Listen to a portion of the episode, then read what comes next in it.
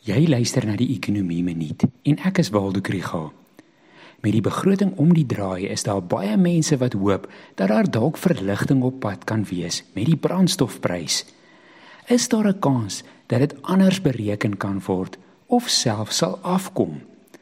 Ongeveer 50% van die prys van 'n liter brandstof is die sogenaamde basiese prys en dit hang af van die ruoliepryse en rand-dollar wisselkoers.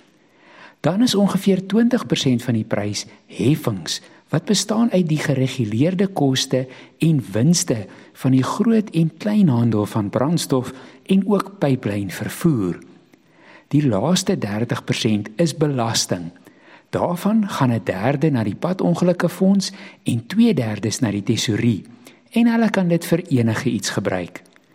Die argument word gemaak dat hierdie model moet verander Die AA vra dat daar moet ondersoek ingestel word na die heffings. Die koste van die padongelukke fonds moet verminder word deur dit gedeeltelik te privatiseer en die belastinginkomste moet gebruik word om paaie te verbeter en wetstoepassing te befonds. As die brandstofprys op hierdie manier verminder kan word, sal dit natuurlik ook vir motoriste verligting bied en vervoerkoste verlaag wat weer inflasiedruk kan verminder. Ek dink dat die kans dat dit sal gebeur is ongelukkig redelik skraal. Die brandstofheffing is 'n goeie bron van inkomste vir die regering.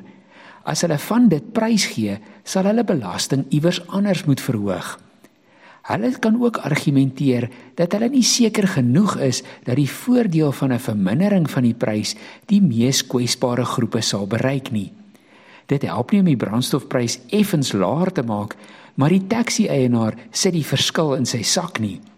As jy arme mense wil help, is 'n klein verhoging in 'n toelaag of vermindering van BTW meer effektief.